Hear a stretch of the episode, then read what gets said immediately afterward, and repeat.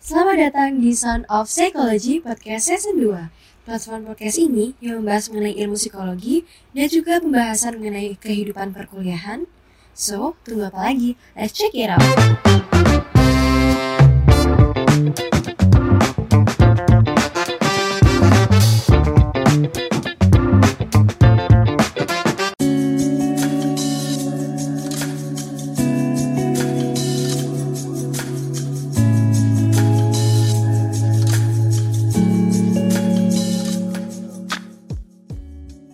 Sahabat psikologi, bertemu lagi dengan saya Tasya di Channel Psychology Podcast. Pada episode kali ini, saya akan berkolaborasi dengan salah satu mahasiswa. Nah, siapa? Langsung saja kita kenalan terlebih dahulu. Eh, halo Kak, gimana kabarnya? Mungkin bisa memperkenalkan diri terlebih dahulu. Oke, halo semuanya. Sebenarnya kenalin nama aku Tita, cuma biasa dipanggil Tita aja. Alhamdulillah di era yang mungkin banyak orang sakit ini ya, jadi alhamdulillah masih diberi kesehatan sampai detik ini juga. Aku sebenarnya asalnya dari Sidoarjo, cuma lagi ambil kuliah di Malang. Oke, alhamdulillah kalau sehat. Berarti ini lagi kuliah eh, di Malang offline atau online, Kak? Ada yang offline sih, jadi emang ada beberapa matkul yang emang harus diwajibin di kampus gitu. Hmm, oke oke. Nah, untuk kesibukan dari akhir-akhir ini dari Kak Tita sendiri apa ya, Kak? Ya sebenarnya kalau kesibukan seperti mahasiswa pada umumnya ya, cuma ya untuk menyeimbangi yang lain ya saya ngisi podcast kayak sekarang ini saya juga bikin podcast di Instagram, terus juga kalau misalnya ada job untuk voice over juga saya bisa terima. Jadi ya intinya nerima yang berhubungan sama yang suara-suara aja deh gitu. Wih, keren. Berarti saya juga bisa eh, belajar nih ke Kak Tita. Bisa sih bisa sebenarnya. Oke. Nanti ya. Siap. Oke, di sini kita santai aja Kak, jadi kayak sharing session pada umumnya. Dan sebelumnya saya juga mengucapkan terima kasih udah mau bergabung di podcast Sound Out Psychology ini. Oke, eh, di sini saya akan memberikan sedikit gambaran terkait topik pada episode kali ini bahwa eh, menyenangkan orang lain itu memanglah tidaklah terdengar terdengar buruk. Jadi, tetapi menyenangkan orang lain tentunya ada batasan. Apabila kita melakukan dengan cara yang salah, maka dapat berdampak buruk juga pada diri sendiri. Eh, seperti Pak, menurut seorang terapis yaitu Erika Myers yang menyatakan bahwa melakukan tindakan untuk menyenangkan orang pada umumnya dapat melampaui kebaikan yang sederhana. Nah, dari saya sendiri nih, eh, menurut saya dari Kak Tita ini pasti pernah kan melakukan berbagai kebaikan. Nah, tak terkecuali dengan menyenangkan orang lain. Biasanya Kak Tita ini melakukan hal kebaikan itu kepada siapa? Apa hanya ke orang terdekat saja atau seperti apa, Kak? Silakan. Oke. Jadi sebenarnya kalau untuk melakukan pada orang terdekat sih pasti ya, tapi nggak jarang juga untuk membantu orang asing. Karena gini, saya tuh selalu punya mindset takut gitu. Takutnya di sini tuh dalam artian saya tuh selalu berpikir kayak nanti kalau saya lagi butuh terus nggak ada yang bantu gimana ya. Terus kalau nggak gitu, kalau misalnya saya selalu takut kalau misalnya di saat saya butuh temen terus nggak ada yang nemenin gimana ya. Jadi eh, secara nggak sadar saya selalu berharap bahwa apa yang aku lakuin ke orang lain itu bakal balik ke diri aku sendiri juga. Meskipun pada akhirnya saya sadar nggak semua hal baik bisa kembali ke diri kita juga kan ya. Ya, benar. Terus kalau untuk perasaan membantu orang lain tuh juga pasti ada kayak kelegaan sendiri gitu sih. Oke, berarti ketika Kak Tita ini melakukan suatu tindakan untuk menyenangkan orang lain itu merasa ada kayak kepuasan tersendiri gitu ya Kak da- dalam diri Kak Tita itu tadi. Iya bener sih. Jadi kayak ada perasaan bahagia dan ngerasa kayak ngerasa maksudnya kayak karena kita udah ngebantu orang lain gitu kan. Jadi kayak kita tuh ngerasa kayak oh ternyata aku berguna juga ya buat orang lain gitu. Jadi kayak ya kebanggaan tersendiri aja gitu. Oke, berarti lebih lebih merasa bermanfaat untuk orang lain gitu ya Kak. Iya bisa bisa. Oke, oke. Nah dari sepenggal perbincangan itu tadi, ternyata dalam ilmu psikologi hal ini dapat dinamakan sebagai people pleaser. Nah, apa sih people pleaser ini? Oke, jadi menurut Susan Human, seorang sosial psychologist, mengatakan bahwa sering kali people pleaser takut akan konfrontasi dan selalu setuju dan mengatakan ya terhadap semua hal untuk menghindari argumen konflik.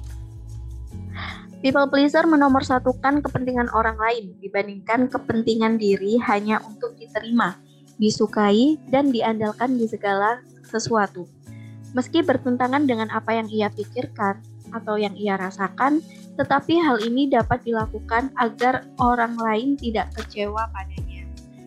Nah, dari penjelasan itu tadi, Kak Tita ada yang merasa relate nggak dengan kondisi kakak saat ini? mungkin pas aku ngomong itu tadi ya um, Kak Tita juga menerka-nerka oh iya nih aku biasanya kayak gini gitu selalu nggak enak kan kalau sama orang lain kalau nggak mau nolak juga takut kalau ntar malah orang lain kepikiran kayak gimana gitu nah gimana Kak?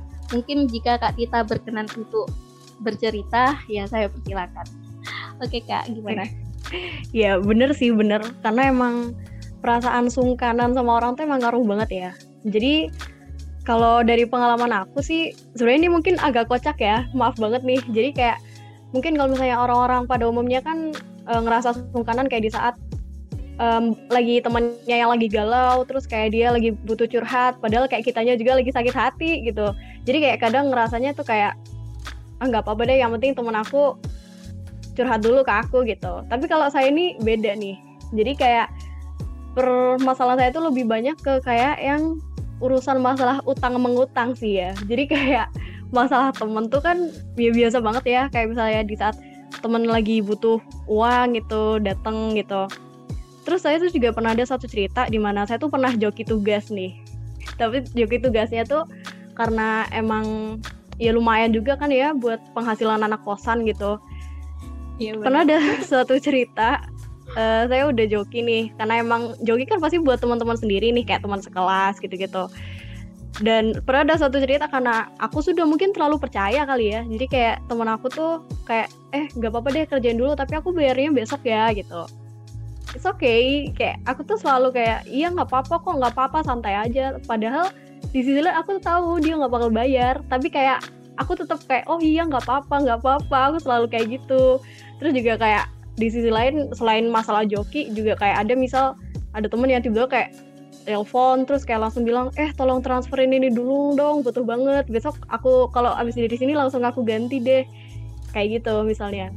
Tapi kayak di ya balik lagi ke permasalahan awal. Di saat aku tahu nih bahwa duit itu tuh nggak bakal balik. Aku tuh udah ngerti banget kalau duit itu nggak bakal balik. Tapi kayak aku tuh masih tetap nggak bisa gitu loh. Kalau misalnya nggak ngasih ke teman-teman aku kalau misalnya di saat mereka benar-benar butuh terus aku nggak ada gitu itu kayak susah banget buat aku kayak ngomong aduh maaf ya. Itu tuh kayak nggak bisa banget. Jadi kayak ya kayak gitu sih rata-rata permasalahan aku. Kurang lebihnya ya permasalahan yeah. material lah ya ya masalah ya gitu emang agak kompleks ya Iya apalagi sama teman sendiri gitu kan kayak tadi ya, lebih pelit. banyak gak enaknya gitu ya kalau mau nolak yeah. gitu betul betul oke nah sebenarnya dari segi psikologi sendiri itu ada juga yang mengatakan bahwa people pleaser ini memiliki kepribadian yang juga disebut sebagai pleaser personality. Nah, sering kali pleaser personality ini tumbuh akibat orang tua yang secara emosional tidak dekat atau terlalu menuntut sang anak. Hal ini menyebabkan seseorang terus-menerus mencari pengakuan dari orang lain untuk mendapatkan perhatian dan cinta dari orang lain di kehidupan mereka, yang mana hal ini dapat dilakukan dengan cara menyenangkan orang lain. Nah, seperti yang dikatakan oleh seorang tokoh psikologis itu tadi, jadi lebih mengutamakan uh, kesenangan orang lain daripada kesenangan diri sendiri gitu ya kak. Nah, menurut yeah. Kak Tita sendiri nih, uh, apakah harus terus menerus mendahulukan kepentingan orang lain daripada kepentingan diri sendiri gitu. gimana kak? Ini kalau saya jawab menurut realita aja ya, kayak secara oh, iya, realita iya, itu secara realita tuh emang iya nggak sih? Kayak sering kali kita tuh nggak sadar kalau diri kita tuh ibaratnya berkorban gitu. Kayak kita tuh berdarah banget nih buat orang lain. Tapi ternyata sama diri kita sendiri gimana? Bahkan gak jarang aku temuin nih masih banyak banget orang yang nggak mengenali personalitinya sendiri. Karena emang terlalu ngurus orang lain. Padahal mungkin di waktu bersamaan kita sama-sama kita setemen nih kayak sama-sama luka lah istilahnya tapi ketika kita mau ngelampiasin itu nggak bisa terus jadi lebih milih ah yang penting orang lain dulu aja deh kita mah gampang gitu Iya, kita mah belakangan aja gitu ya, Kak. Iya. emang kayak ya emang selalu kayak gitu. ya bener sih. Jadi kayak ya udahlah nanti aku juga bakal bisa kok di akhir-akhir mungkin sekarang temenku yang lebih butuh daripada aku gitu. Padahal sebenarnya dari diri kita sendiri itu emang lagi bener-bener butuh juga gitu. Tapi tetap mengutamakan kondisi orang lain gitu. Iya karena emang kayak prinsipnya sok-sokan kayak ah orang lain aja dulu ntar aku kalau mereka bahagia aku juga bahagia. Padahal sebenarnya bullshit banget ya sih Nah bener banget tuh dengan alibi. Nanti kalau orang yang aku bantu bahagia ya pasti aku juga bahagia juga gitu. Ngelihat teman bahagia ya kenapa enggak gitu buat kita sendiri yeah. gitu. Betul, alibinya betul. sih seperti itu ya. Ya manusia-manusia penuh kepalsuan. Oke bener banget. Nah jadi uh, sebelumnya nih kakak itu udah tahu nggak kira-kira apa aja sih yang menyebabkan individu itu menjadi seorang people pleaser itu tadi? Gimana kak kita? Oh dari aku sih menurut aku ya, menurut yeah. aku hal yang menyebabkan seseorang menjadi people pleaser itu menurut aku ada beberapa kemungkinan. Jadi kayak uh, tapi yang pertama nih, yang pertama banget jelas karena rasa dia dalam mengasihani orang lain itu lebih tinggi dibanding dia ngasihani dirinya sendiri. Jadi kayak yang dilihat tuh luka orang lain terus nih, kayak kalau misalnya dirinya terluka ya udah ngapain dilihat yang penting kayak aduh dia kayak dia kayaknya lebih sakit deh dari aku gitu. Jadi kayak intinya dia tuh cara mengasihani orang lain tuh lebih tinggi lah daripada dirinya sendiri. Terus yang kedua itu adanya rasa selalu pengen balas budi dan selalu ngasih feedback yang bagus kepada orang yang pernah baik sama dia. Jadi kayak selalu pokoknya kamu kalau butuh apa-apa ke aku aja ya, aku ada. Karena mungkin adanya perasaan di saat uh, kita lagi terpuruk terus misal ada seseorang tersebut nih kayak yang udah bantuin kita banget gitu. Terus kita tuh kayak selalu ngerasa bahwa aku harus kayak gini juga ke dia, aku harus selalu ada buat dia, aku selalu kayak harus dia kalau butuh apa-apa harus ke aku semuanya pokoknya jadi kayak gitu sih jadi dia balik lagi sih kayak poin utamanya cuma kayak masalah disungkanannya aja ke orang lain gitu Oke, bener, bener sih. Jadi kayak misal, apalagi kalau kita udah deket gitu ya, kalau mau nolak, mau kayak gimana pun itu pasti bakal sungkan, nggak enak juga kayak gimana yeah. gitu. Jadi malah takut ngerusak uh, pertemanan atau gimana gitu. Iya, yeah, bener-bener. Oke. Jadi sebenarnya kalau dari apa namanya dari literatur yang aku baca itu ada beberapa poin yang bisa menyebabkan individu menjadi people pleaser. Misalnya dari perasaan tidak aman e, seperti khawatir melukai orang lain. Jadi ya seperti yang apa namanya Kak Tita bilang tadi jadi lebih kayak ntar malah e, orang lain itu malah ngejauh dari aku kalau misalkan aku nggak nggak memenuhi apa yang ia minta apa yang ia butuhkan aku nggak bisa memenuhi itu.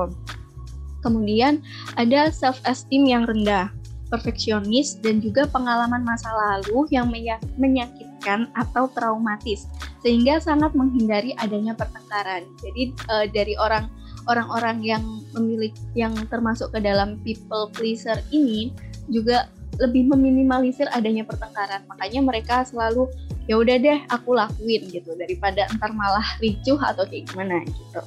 Nah, terkadang orang yang termasuk dalam people pleaser ini juga sering kali dipenuhi dengan ras, banyak rasa bersalah. Mereka merasa bahwa mereka memiliki tanggung jawab untuk membuat semua orang bahagia. Mereka berusaha menghindari konflik apa pun alasannya.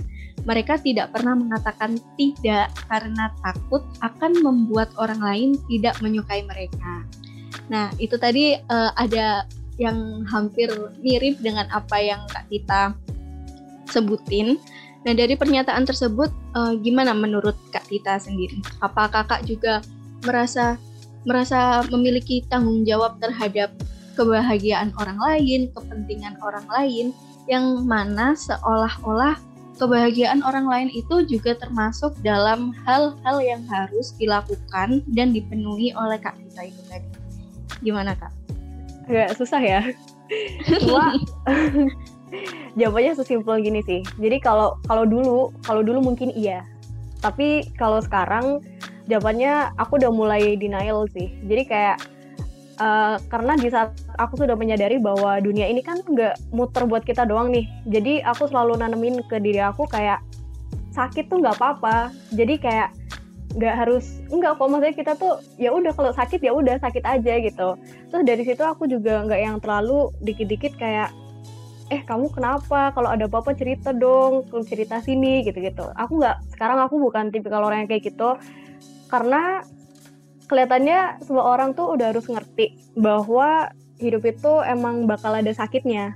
Jadi jangan yang kayak apa-apa langsung aduh aku harus ngapain ya? Aku harus cari pertolongan ke siapa ya? Kadang ya udah sih kayak let it flow aja rasain aja sakitnya gitu.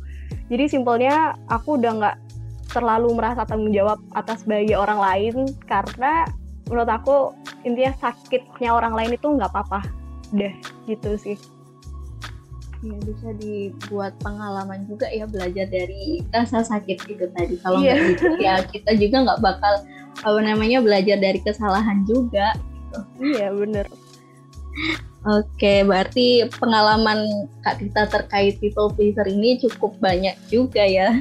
iya, wow, banyak banget sih. Emang ya. ya namanya kita hidup bersosialisasi juga kan ya. Jadi pasti bakal iya. nemu banget orang-orang yang makin aneh-aneh juga makin macam-macam orang yang kita tahu jadi ya gitu deh oke okay. uh, eh, beranjak dari hal-hal yang menyebabkan orang menjadi people pleaser, sekarang kita akan membahas terkait apa aja sih tanda-tanda dari seorang people pleaser ini. Jadi, yang pertama itu ada mengutamakan keperluan orang lain daripada keperluannya. Mengalami kesulitan untuk berkata tidak merasa bertanggung jawab terhadap perasaan orang lain, selalu bersedia melakukan hal yang tidak disukai agar diterima orang lain, tidak memiliki waktu luang untuk dirinya, dan juga merasa bersalah serta meminta maaf walaupun bukan kesalahannya. Ini sih yang paling sering terjadi sama orang-orang people pleaser. Iya, bener, nah, bener, bener. dari ciri-ciri tersebut itu tadi, hal mana yang paling paling relate dengan kondisi Kak Tita tadi?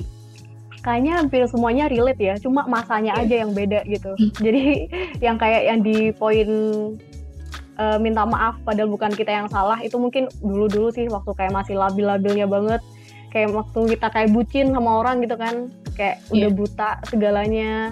Jadi kayak meskipun dia yang salah, kayak enggak nggak apa-apa aku kok yang salah. Sekarang mah udah sadar ya, alhamdulillah. udah udah nggak udah nggak bocil lagi lah ya tahu lebih tahu gitu mana yang benar mana yang salah gitu. Iya. Bener. Udah nggak bisa dibodohin lagi nih sama yang kayak gitu-gitu. Ya benar sekali. Nah dari kak Tita sendiri nih uh, uh, kak kak Tita kan juga udah memiliki pengalaman terkait menjadi seorang people pleaser itu tadi ya. Nah yeah. ada nggak sih dari uh, dari hal-hal yang Kak kita lakuin atau hal-hal yang Kak kita rasain itu ada nggak dampak yang Kak kita alami ketika menjadi individu people pleaser itu tadi? Dampak, maksudnya dampak buat diri aku sendiri nih? Ya, dampaknya yang Kak kita alami itu tadi.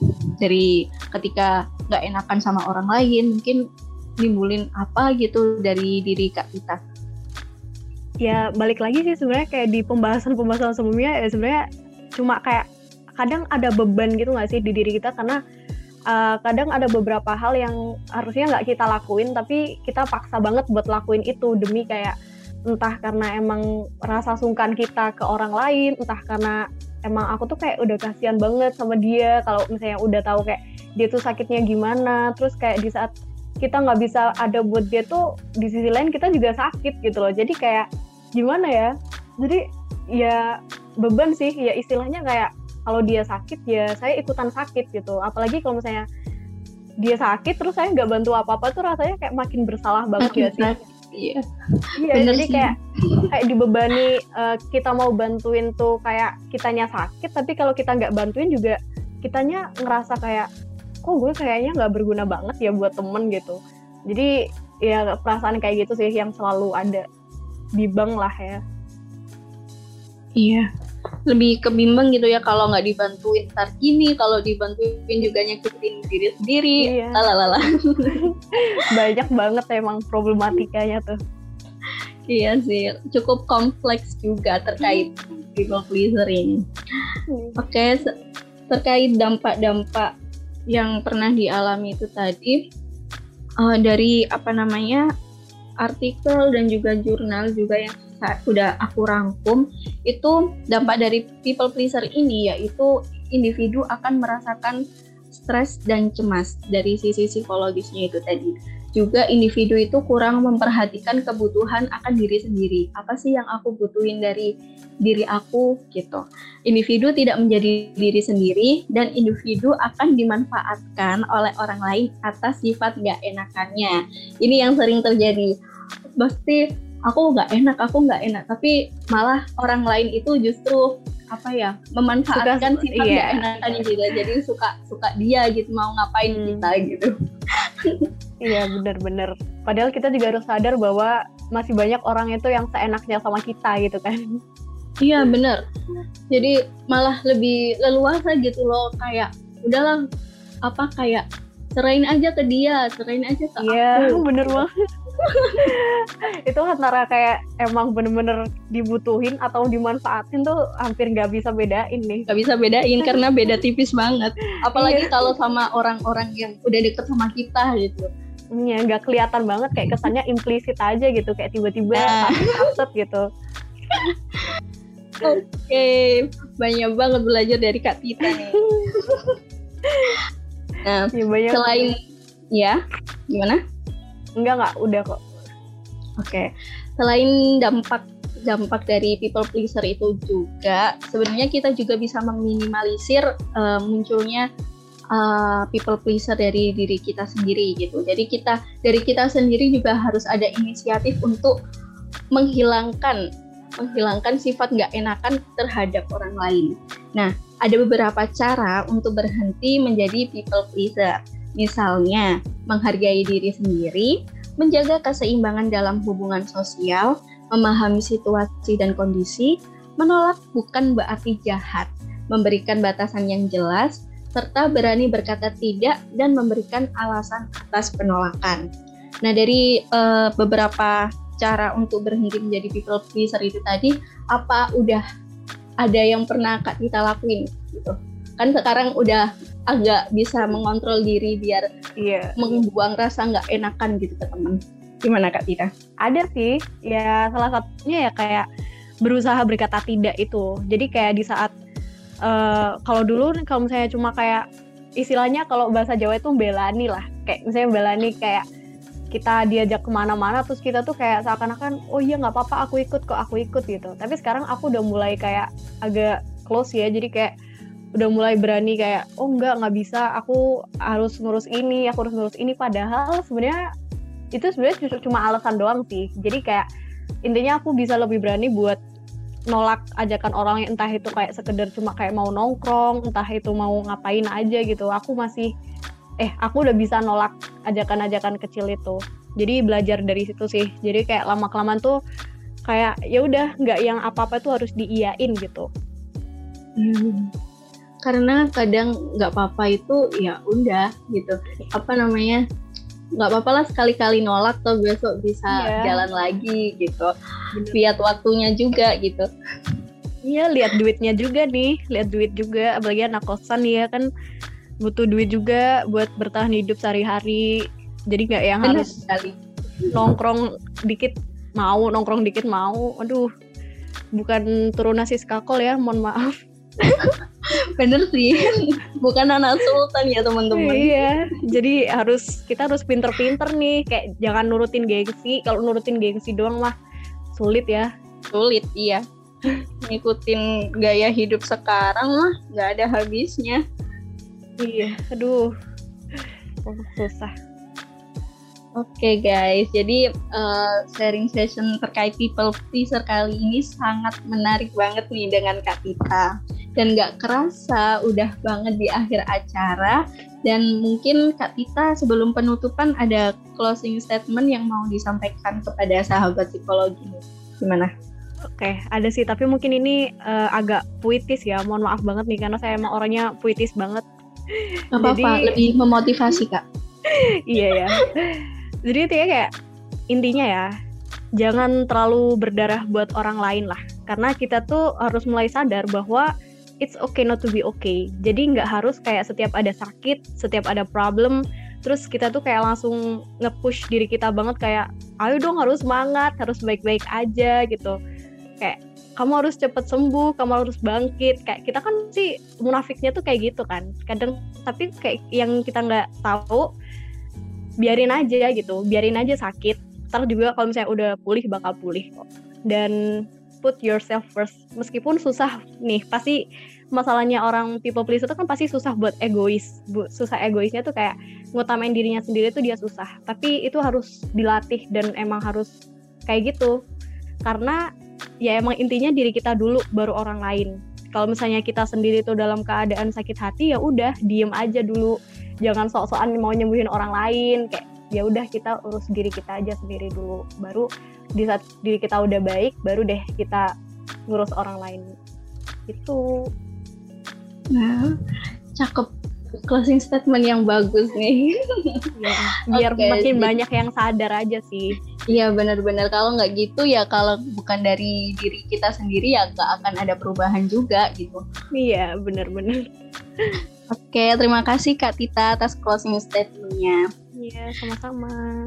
Nah, oke okay guys, jadi kesimpulan pada sharing session hari ini itu menyenangkan orang lain adalah sifat natural seorang manusia yang penting dalam kehidupan sosial.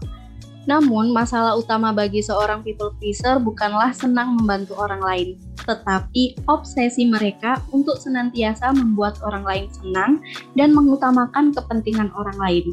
Jadi, mulai saat ini kalian harus berani untuk berkata tidak atau menolak ajakan orang lain yang sebenarnya dari diri kalian sendiri itu tidak menginginkan hal tersebut. Jika tidak dari diri kita sendiri yang bergerak melakukan perubahan, maka hal demikian akan terus melekat pada diri kita. Oke, cukup itu tadi kesimpulan dari sharing session pada podcast episode kali ini. Dan terima kasih banyak atas waktu dan kesempatannya dari Kak Tita udah mau bergabung yeah. dengan podcast kita. Sama-sama. Semoga di lain waktu kita bisa mungkin bisa ketemu gitu ya. Iya, semoga ya, biar ya. bisa lebih berbincang lebih banyak lagi. Benar. Jadi bisa sharing-sharing lebih banyak gitu. Nah, Oke sahabat psikologi, terima kasih telah mendengarkan podcast ini dari awal sampai akhir. Semoga ilmu yang telah kita sampaikan pada sharing session hari ini bisa bermanfaat bagi teman-teman semua. Intinya belajar dari pengalaman orang lain itu juga diperlukan. Semoga bermanfaat and see you in the next episode. Terima kasih teman-teman. Terima kasih Kak Tita. Iya, yeah, sama-sama. Mohon maaf juga ya apabila ada kesalahan kata.